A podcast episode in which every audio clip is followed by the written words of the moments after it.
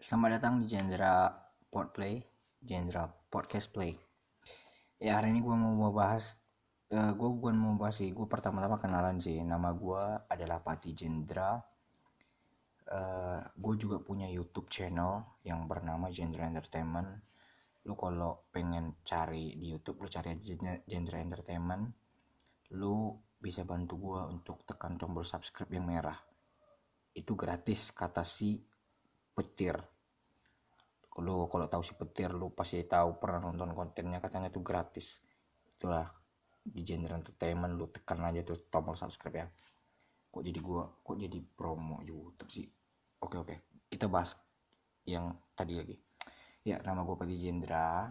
Uh, nama podcast gua Jendra Podcast Play. Kenapa gua kasih podcast play? Karena menurut gua play itu adalah kayak yang pengen gue jadikan ambasador eh, kayak pengen hak paten gue play.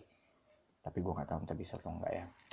Dan alasan gue bermain podcast adalah karena gue pengen gue hobi hobi cerita gue hobi uh, ngobrol dengan orang gue hobi membahas topik-topik baru topik-topik yang misterius topik-topik yang masih jadi konspirasi topik-topik yang baru-baru booming baru-baru tenar gue pengen kayak bahas-bahas yang kayak gituan gue suka.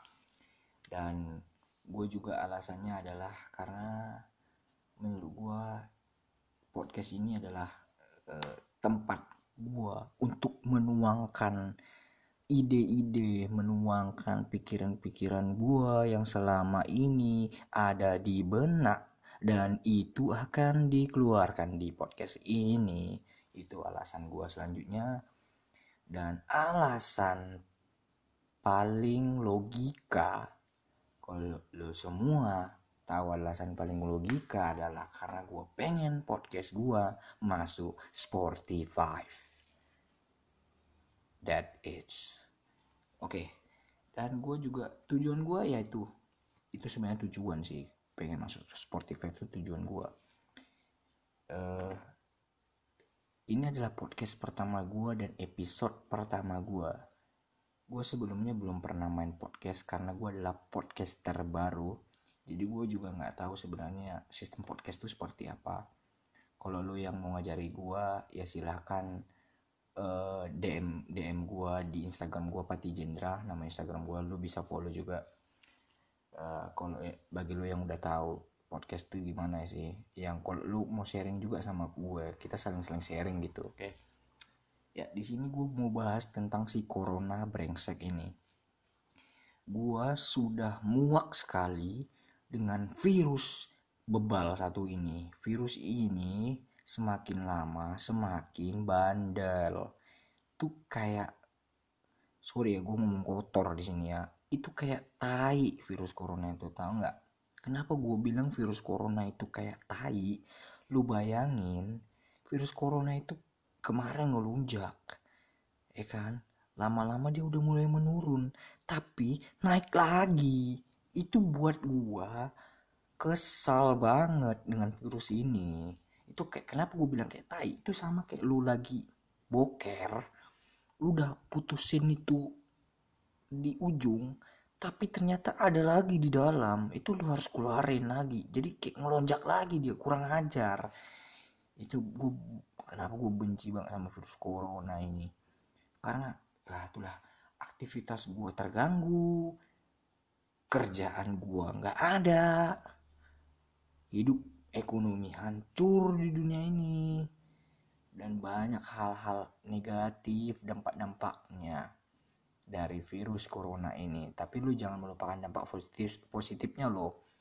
Kenapa? Gue bilang lu jangan melupakan. Soalnya gara-gara corona ini lapisan ozon jadi menipis. Eh lapisan ozon jadi menipis. Maksud gue lapisan ozon jadi bertambah tebal lagi. Itu sisi, sisi positifnya. Tapi gue juga ya gue kayak sepakat sih dengan sisi positifnya gue juga senang. Tapi gue kayak dampak negatifnya lebih banyak daripada sisi positifnya apalagi sisi positifnya itu juga kemarin aturannya kan sisi positifnya ini sebenarnya jatuh kepada penimbun masker.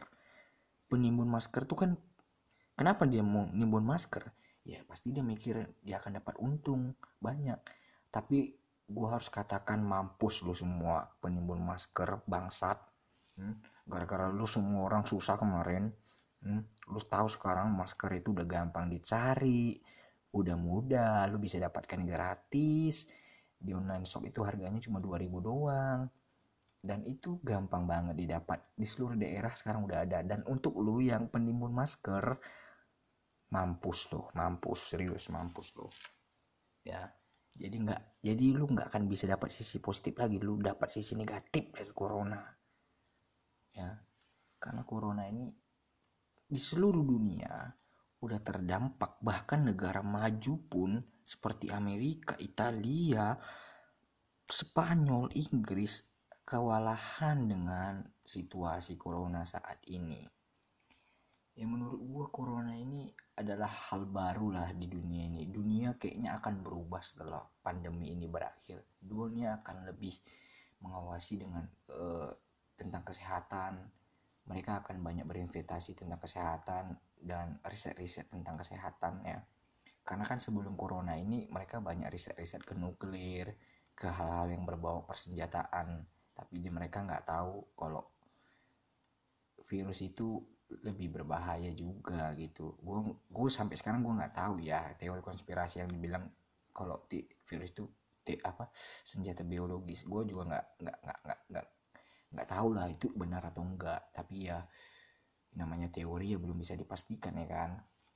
Karena kebanyakan gini orang-orang Indonesia itu banyak yang bukan bukan saja orang Indonesia sih di seluruh dunia di negara-negara lain juga banyak yang menganggap teori konspirasi itu adalah sebuah fakta.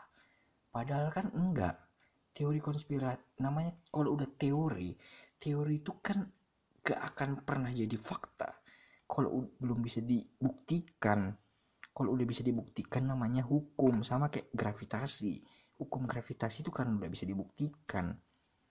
Kalau yang namanya teori ada kayak teori evolusi evolusi manusia. Dari zaman dulu dari kera sampai manusia itu kan masih teori. Kita nggak kita nggak tahu kita tuh berasal dari mana dari kera atau apa karena itu belum bisa dibuktikan. Tapi orang belajar itu itu kan itu fakta. Banyak orang-orang yang berpikir itu fakta dan ini yang menyebabkan hoax itu banyak di Indonesia apalagi hoax soal corona ini ya. Gue nggak bilang apa. Kenapa? Oke suatu orang nih oknum nih kayak membuat uh, isu-isu hoax nih tentang corona nih di media sosial. Lalu orang tuh baca misalnya corona itu diciptakan di laboratorium Wuhan sebagai senjata biologis. Teorinya tapi orang yang baca itu dia ngabarin ke kampung dia satu kampung dia eh, mama-mama rempong di kampung dia nenek-nenek rempong di kampung dia. Ya pokoknya tukang-tukang kepo itu dikabarin dia semua. Kalau kalau corona ini sebenarnya senjata biologis. Tan tanpa dia tahu teori itu belum fakta itu masalahnya. Banyak waktu bermunculan sehingga si nenek-nenek rempong yang udah dikasih tahunya ngabarin lagi ke suaminya. Padahal suaminya lagi kerja pulang nggak peduli apa pun gara-gara dia ngomong gitu dia peduli. Oh parah banget tuh. Laboratorium tuh parah tuh harus diinvestigasi. Padahal kan belum fakta. Gue juga gue juga apa sih kayak tentang laboratorium gue curiga juga. Tapi curiga gue tuh lebih kepada tunggu selesai diinvestigasi gitu. Jangan kayak gue menebarkan hoak-hoak lagi ya kan? Kayak nenek-nenek rempong tadi mama-mama yang belok sen ke kiri belok ke kanan. Itu kan meleset gitu. Jadi uh, kenapa gue berharap habis corona ini berakhir masyarakat tuh semakin disiplin untuk cuci tangan untuk hidup bersih. Tapi gimana ya gue juga nggak bisa jamin ya. Soalnya kayak negara-negara bersih juga nggak nggak banyak ter, eh negara-negara bersih justru banyak mendapatkan eh, yang terinfeksi corona kayak Amerika Italia kan negara bersih. Justru negara-negara kotor kayaknya kurang ya. Atau lu berpikir sama kayak gue ya kali ya? Iya gue baru terpikir ini nih. Maybe sih tapi itulah harapan gue setelah corona ini berakhir gue pengen masyarakat tuh bersih uh, menjadi masyarakat yang peduli terhadap kesehatan peduli terhadap jenis-jenis makanan biar nggak sembarang makan. Itu kan uh, katanya sih dari kelawar tapi gue rasa itu entah teori entah fakta gue juga nggak tahu. Karena kan media bisa aja dibayar media bisa aja di, di diolah untuk menjadi program pemerintah ya kan? Kita nggak tahu sama sekali. Kita tunggu hasil investigasinya dan semoga aja nggak menimbulkan perang ya antar negara gara-gara cuma ya corona corona ini gitulah. Uh, ya corona ini menurut gue ya sudah sampai ke sendi-sendi kehidupan terkecil pun terkena dampaknya. Dan yang paling sakitnya lagi ya orang-orang yang kerja harus keluar seperti ojek seperti tukang bangunan, seperti penjual makanan di pasar itu kan kayak terkena kali dampaknya. Mereka nggak bisa menghindari corona ini dengan di rumah aja mereka harus keluar ya kan. Jadi kalau mereka nggak keluar ya mereka akan kelaparan. Dan menurut gua ya itulah dari segi sisi kemanusiaan sih kita nggak bisa mengharuskan orang untuk di rumah aja sih menurut gua poinnya. Kita juga tapi uh, yang terpenting uh, orang-orang yang bekerja di luar itu mesti waspada dan mengikuti protokol kesehatan yang dianjurkan pemerintah ya. Dan tapi di daerah gua nih masih banyak anak-anak yang nongkrong gak geng semua. Nongkrong kumpul-kumpul berdempetan nyanyi-nyanyi masih banyak di tempat-tempat gua. Ya gua merasa mereka ini kayak santuy kali lah gua, gua rasa ya. Kayak kayak nggak peduli kayak nggak tahu ada ancaman datang. Ya gue nggak tahu apa yang dipikirkan mereka. Mungkin karena udah kebiasaan nongkrong jadi itu nggak bisa hilang dari hidup mereka. Sehingga corona itu bagi mereka santuy. Ya sama kayak kasus negara lain kan. Sebelumnya kan menganggap corona itu enteng menganggap corona itu nggak bukan sesuatu yang ditakutkan. Ya sama seperti yang gue bicarakan ini sama seperti orang-orang tongkrongan. Tongkrongan tongkrongan itu nggak peduli dia tuh. Tapi itulah sigapnya pemerintah kita mengatur polisi-polisi itu untuk turun. Tapi masalahnya maunya polisi itu turun ke semua gang sih. Karena di, di, di daerah gue sendiri gue banyak yang kayak memasuki kayak jalan-jalan gede aja. Padahal di gang-gang itu lu mesti tahu banyak lapak tua. Lapak tua itu tempat minum-minum tua. Ada kede-kede juga orang-orang nongkrong. Masih banyak loh orang nongkrong di luar-luar situ di gang-gang-gang itu ya pokoknya setiap malam gue lewat di gang tuan berisi kali nyanyi-nyanyi entah nyanyi-nyanyi apa pun semua keluar lah suara. E, ada juga yang di tepi jalan yang kemarin hampir bukan hampir sih udah ada yang kena tangkap sih. E, lima orang kayaknya dibawa diangkut polisi nih. Tapi besoknya nggak nggak sadar diri. Nongkrong lagi tuh orang. Udah kena tangkap tuh orang. Nongkrong lagi tuh orang bayangin lu udah gila itu nggak peduli apa pun dia tuh anjir anjir. Ya itulah corona nih. Ya kita bahas ya lanjut ke coronanya ya. Gue kenapa muak banget dengan corona ini? Kapan berakhirnya? Gue bete banget di rumah aja. Gue keluar musik beriringan di mana-mana.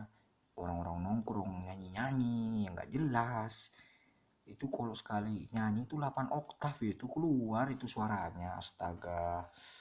Oke oke balik lagi ke corona ini aduh. Ya gue pengen banget corona ini segera berakhir. Gue pengennya corona ini berakhir kita bulan-bulan Juni ini. Ya pokoknya ya gue berharap secepatnya lah biar sendi-sendi kehidupan di dunia kembali normal. Walaupun normalnya itu akan berjalan cukup lama sih berbulan-bulan juga gitu. Tapi ya setidaknya masyarakat pun menjadi kembali beraktivitas, kembali bekerja, kembali mencari nafkah untuk keluarga uh, dan bisa menjalani kehidupan seperti layaknya dulu. Walaupun gue nggak tahu sih habis corona ini kayak mana kehidupan entah ada yang berubah tatanan hidup bumi berubah yang kayak lu, lu tahu kan Sunda Empire. Eh, atau mungkin corona ini teori dari kok terpikir nih teori Sunda Empire itu kan ditangkap itu dulu katanya. Kalau kita hancur Sunda Empire maka tatanan bumi akan tergoyahkan. Apa gara-gara Sunda Empire ini? Bangsat bangsat wah gue harus selidiki nih investigasi nih. Sunda Empire si Rangga nih tapi udah di udah dilapas pula dia. Nggak bisa jumpa gue nih. Seharusnya dilepaskan tuh orang berkorona berakhir nih tapi ingat guys teori jangan dibenerin. Ya. Ya jadi gue corona ini sebenarnya kecil. Gue kayak pengen banget lihat bentuk corona nih gue kayak nggak percaya bentuk corona yang di tv-tv yang disiarin itu. Gue kayak pengen lihat langsung. Tapi gue takut juga ya kan? Karena bahaya juga memang. Ya itulah maunya kenapalah corona ini datang di tahun yang modern ini? Masyarakat pun kurang peduli pulanya. Ya semoga orang-orang yang nongkrong di ganggang di gede-gede tobat tobat serius tobat lo lu kalau kena corona kawan-kawan lo di samping lo kena corona juga repot rumah sakit penuh lu mati nggak ada yang ngunjungi lu. Lu masuk plastik lu masuk plastik lu tahu lu masuk plastik masuk peti langsung kubur. Aduh majang sedih gue liatnya kalau lu berakhir seperti itu. Jadi tobatlah orang-orang nongkrong. Lu udah dikasih himbauan jaga jarak untuk social distancing untuk di rumah aja di rumah aja ikuti dulu. Lu kalau bandel nih corona nggak selesai selesai ah nggak selesai selesai nih corona. Ya jadi gue juga ucapkan makasih banyak ya kepada polisi-polisi yang udah berjuang setiap malam. Razia. Tapi kalau bisa razia ganggangnya itu pak. Itu banyak banyak banyak banget tuh brengsek brengsek itu. Duduk duduk nongkrong nongkrong gak peduli apa pun. Minum minum apalah minum torpedo torpedo sampai 10 pak. Sampai mabuk tuh pak. Minum komik sampai 80 pak. Uh my god. Udah gila tuh pak. Tangkap aja tuh orang-orang kayak gitu pak. Hmm, saya po soalnya pernah lihat saya kayak gitu pak. Masa de dekat depan gang itu pak penuh itu pak. Komik-komik itu pak. Itu katanya itu bisa dimakan pak. Mabuk pak ya. Pokoknya wah oh, itu harus ditindas itu orang-orang kayak gitu tuh. Jadi untuk orang lo yang dengan podcast gua yang suka nongkrong berubah lu berubah. Nggak ada gunanya nongkrong. Balik lu ke kandang tidur main hp jangan lu nonton film biru. Lu nonton film-film berbobot. Kalau nggak nonton YouTube YouTube gua YouTube gua jadi entertainment tuh. Lu nonton Tuhan Tuhan tuh tuh. Biar lu tuh takut. Hmm, gitu. Masuk gua. Gua juga promo nih. Lu kalau bosan rebahan lu tonton video gua di YouTube channel gua itu. Biar lu nggak bosan. Oke kayak kayaknya begitu aja lah podcast gua kali ini. Yang udah cukup panjang lebar membahas orang nongkrong nenek-nenek rempong. Maunya nenek-nenek rempong lagi nongkrong sama si anak-anak muda ya. Kayak mana kalau nyanyi mereka ya? Mungkin menggetar nih satu satu kampung gue ya. Oh my god oh my god oke sekian. Terima kasih podcast gue kali ini. Uh, di podcast podcast selanjutnya mungkin gue masih membahas corona karena gue udah muak kali corona ini karena uh, parah banget lah corona ini. Jadi podcast kali ini sampai di sini aja. Mungkin minggu depan eh bukan minggu depan sih entah berapa hari lagi gua buat podcast lagi tentang tahap apa lagi tuh topik-topik yang menarik lah yang membuat lu tertarik dengan uh, podcast kali ini di sini gitu. Oke okay? makasih banyak jangan lupa ikuti podcast ini menjadi pendengar gua love you so much Selamat datang di Genre Podplay, Podcast Play. Oke, kita lanjut lagi membahas corona ya. Ini lanjutan segmen sebelumnya. gua hari ini mau membahas tentang teori-teori konspirasi yang berhubungan dengan virus corona. Teori yang paling terkenal awal-awal virus corona ini muncul adalah tentang senjata biologis dari pusat penelitian laboratorium virologi di Wuhan eh, yang dikatakan ini adalah senjata biologis untuk sengaja disebar luaskan untuk mengetes kekuatan dari virus ini. Itu adalah teori konspirasi dan banyak yang percaya dengan teori itu. Walaupun sudah dibantah beberapa kali tapi teori itu terus trennya makin naik. Uh, dan gue rasa logis sih. Teori seperti itu logis. Karena gini senjata biologis itu kan kayak senjata yang nggak terpikir sama sekali. Kayak senjata yang orang berpikir tuh senjata nuklir senjata tank senjata udara. Tapi orang kayak kurang berpikir tentang senjata kecil yang amat mengancam umat manusia. Itu apa? Virus. Ya jadi di sini di, di letak logikanya adalah karena manusia itu kan semakin berkembang pengetahuan semakin maju. Jadi kayak untuk mengamankan wilayah dia atau untuk uh, memusnahkan sejumlah musuh mereka menggunakan virus yang tidak terlihat sebagai senjata sebagai senjata adalah hal yang sangat logis. Karena orang tidak akan tahu di mana letak virus itu berada siapa yang ter terkena dampak virus itu tanpa mengetesnya dulu kan. Jadi itu adalah teori yang sangat populer menurut gua dan ada juga teori tentang uh, ini adalah akibat perang dagang antara Cina dan Amerika. Ada yang mengatakan gua gue lupa namanya siapa bahwa uh, enggak ini juga klaim klaim dari Cina pertama awal-awal Cina kena ya yang mengatakan bahwa Amerika lah yang membawa virus corona ke Cina karena perang dagang akibat selisih perang dagang. Dan teori ini juga logis kenapa ya kita semua tahu Amerika dan Cina adalah dua negara raksasa ekonomi dunia yang saling eh, perang ekonomi yang membuat sejumlah ekonomi negara lain menjadi melambat akibat perang mereka ini. Jadi mungkin eh, teorinya Amerika merasa udah mulai kalah dengan ekonomi Cina.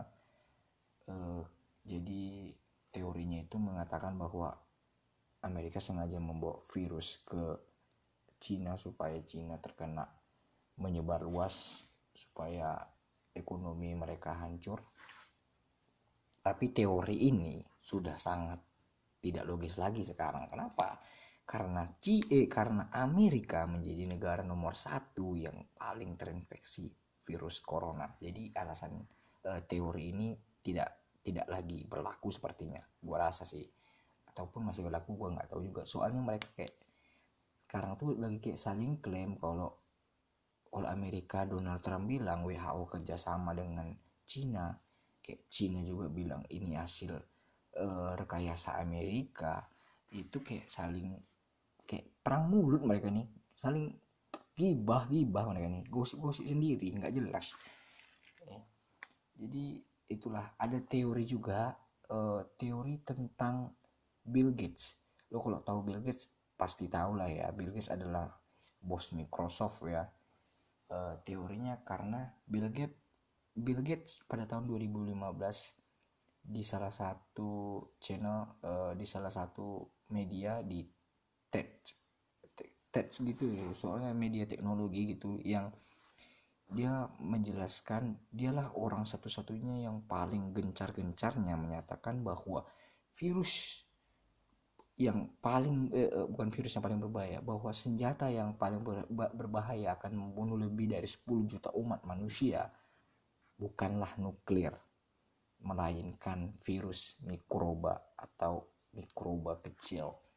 Dan karena pernyataan ini karena uh, video siarannya yang sudah lebih ditonton 30 jutaan lebih karena videonya ini dia jadi viral dan menganggap bahwa ini ada hubungannya dengan virus corona bahwa uh, Bill Gates berhubungan dengan virus corona atau mungkin uh, Bill Gates yang membuat virus ini dengan sejumlah uh, penelitian riset yang dia danai. Tapi ini masih sekedar teori ya soalnya dia juga lagi diguncang besar-besaran tentang teori ini. Uh, ada juga teori tentang corona adalah teori Illuminati. Teori Illuminati maksud gue adalah ada yang menganggap bahwa ada yang menguasai dunia ini yaitu para elit global yang sengaja ingin umat manusia di dunia ini berkurang. Teori ini juga cukup populer beberapa di awal-awal virus corona ini muncul eh, bahwa elit global ini yang ingin yang telah menguasai dunia ini mereka ingin jumlah populasi manusia itu berkurang dan mereka kayak punya program untuk mengurangi jumlah manusia dari tahun ke tahun. Dari contohnya kayak Spanish flu flu SARS, H, uh, MERS ataupun kayak dari dulu lah virus-virus yang bermunculan jadi kayak ingin musnahkan setengah populasi ya kan? Eh bukan setengah populasi mau menghancurkan beberapa populasi mengurangi populasi yang ada di bumi kita ini. Teori itu berkembang bahwa itulah Illuminati. Gue juga sampai saat ini kayak agak ragu sih Illuminati itu atau ada atau enggak. Tapi kayak logis atau enggak kayaknya logis sih menurut gue Illuminati itu ada. Kayak masa di dunia ini gak ada aliran seperti itu nggak mungkin nggak ada kan? Kayak orang-orangnya kan kita tahu selama ini kalau Illuminati itu sangat terkenal dengan teori konspirasi. Dan semakin gencarnya teori konspirasi itu kayak menandakan bahwa dia itu ada gitu.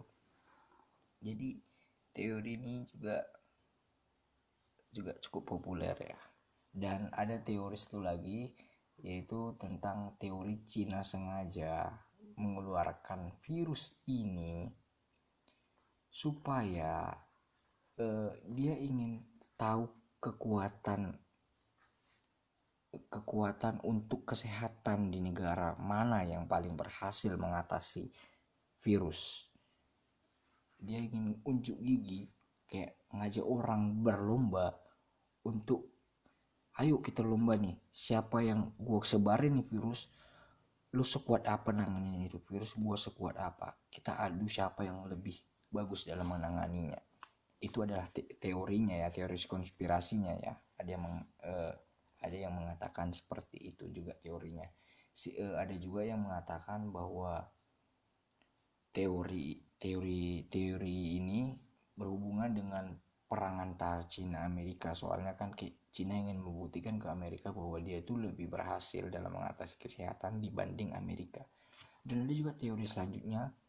Teori selanjutnya adalah teori ini sengaja dirancang Cina dan obatnya akan dari Cina. Ya jadi teori ini e, Cina sengaja mengeluarkan virus ini. Tapi sebenarnya Cina sudah punya obatnya jauh hari sebelum virus ini berkembang. Ini masih teori lah. Jadi mak-mak kepo lu jangan nganggap ini serius. Lu nanti ntar ngasih tahu tetangga-tetangga lu. Suami lu lu kasih tahu pas pulang kerja. Jadi percaya omongan ini. Padahal ini masih teori oke? Okay?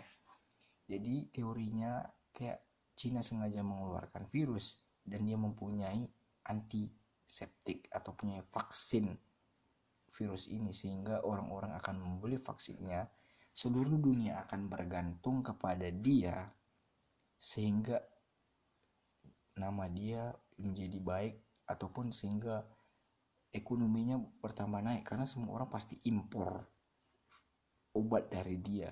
Itu masih teorinya.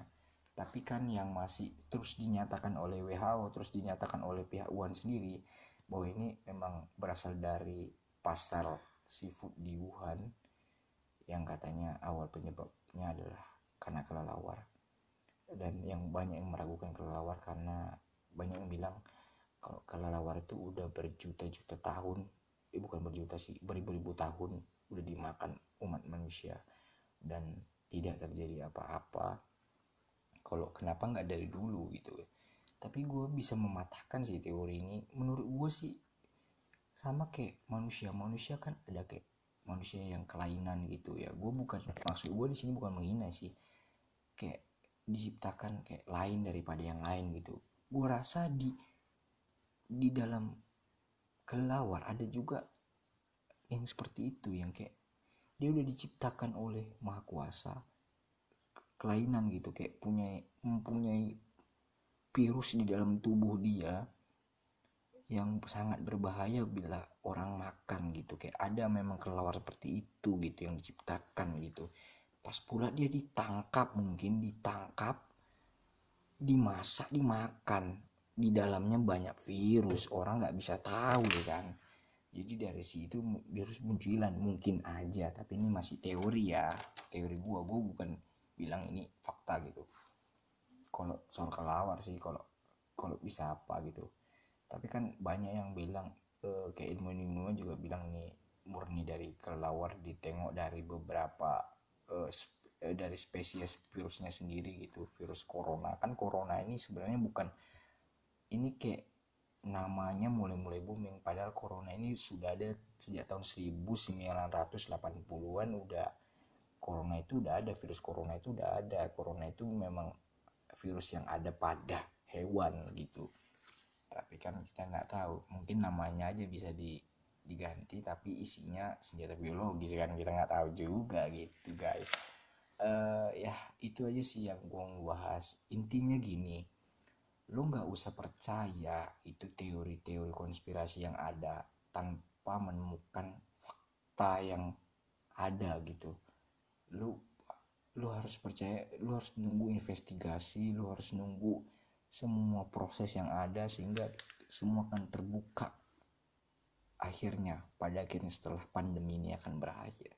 Tapi lu boleh berasumsi lu boleh berdebat dengan orang lain tentang virus ini itu nggak masalah. Karena menurut gue tuh itu bagus sih lu kalau berdebat. Jadi lu bisa menambah wawasan lu juga terpikir bahwa ada sejumlah teori yang tidak logis yang nggak bisa dijadikan daftar lu untuk dari mana asalnya virus ini. Dan ya itu seperti yang gue bilang tadi bahwa lo tunggu aja hasil dari semua ini. Kita nggak tahu itu apa sebenarnya. Di balik ini semua kita nggak tahu. Yang penting lo tetap di rumah aja. Jangan keluar keluar apalagi nongkrong. Karena kalau lo ditangkap polisi gue kasih tahu lo di foto foto lu di foto ditandai lu. Kalau masuk sekali lagi lu jelek nama lu masuk buku biru lu lu kalau ngurus SKCK susah. Nama lu tuh udah keluar di situ buruk. Pernah ditangkap karena nongkrong. Jelek kali. Pernah ditangkap karena nongkrong saat nongkrong saat pandemi corona. Jelek kali SKCK lu ada itu. Jadi lu jangan nongkrong ya. Lu di rumah aja.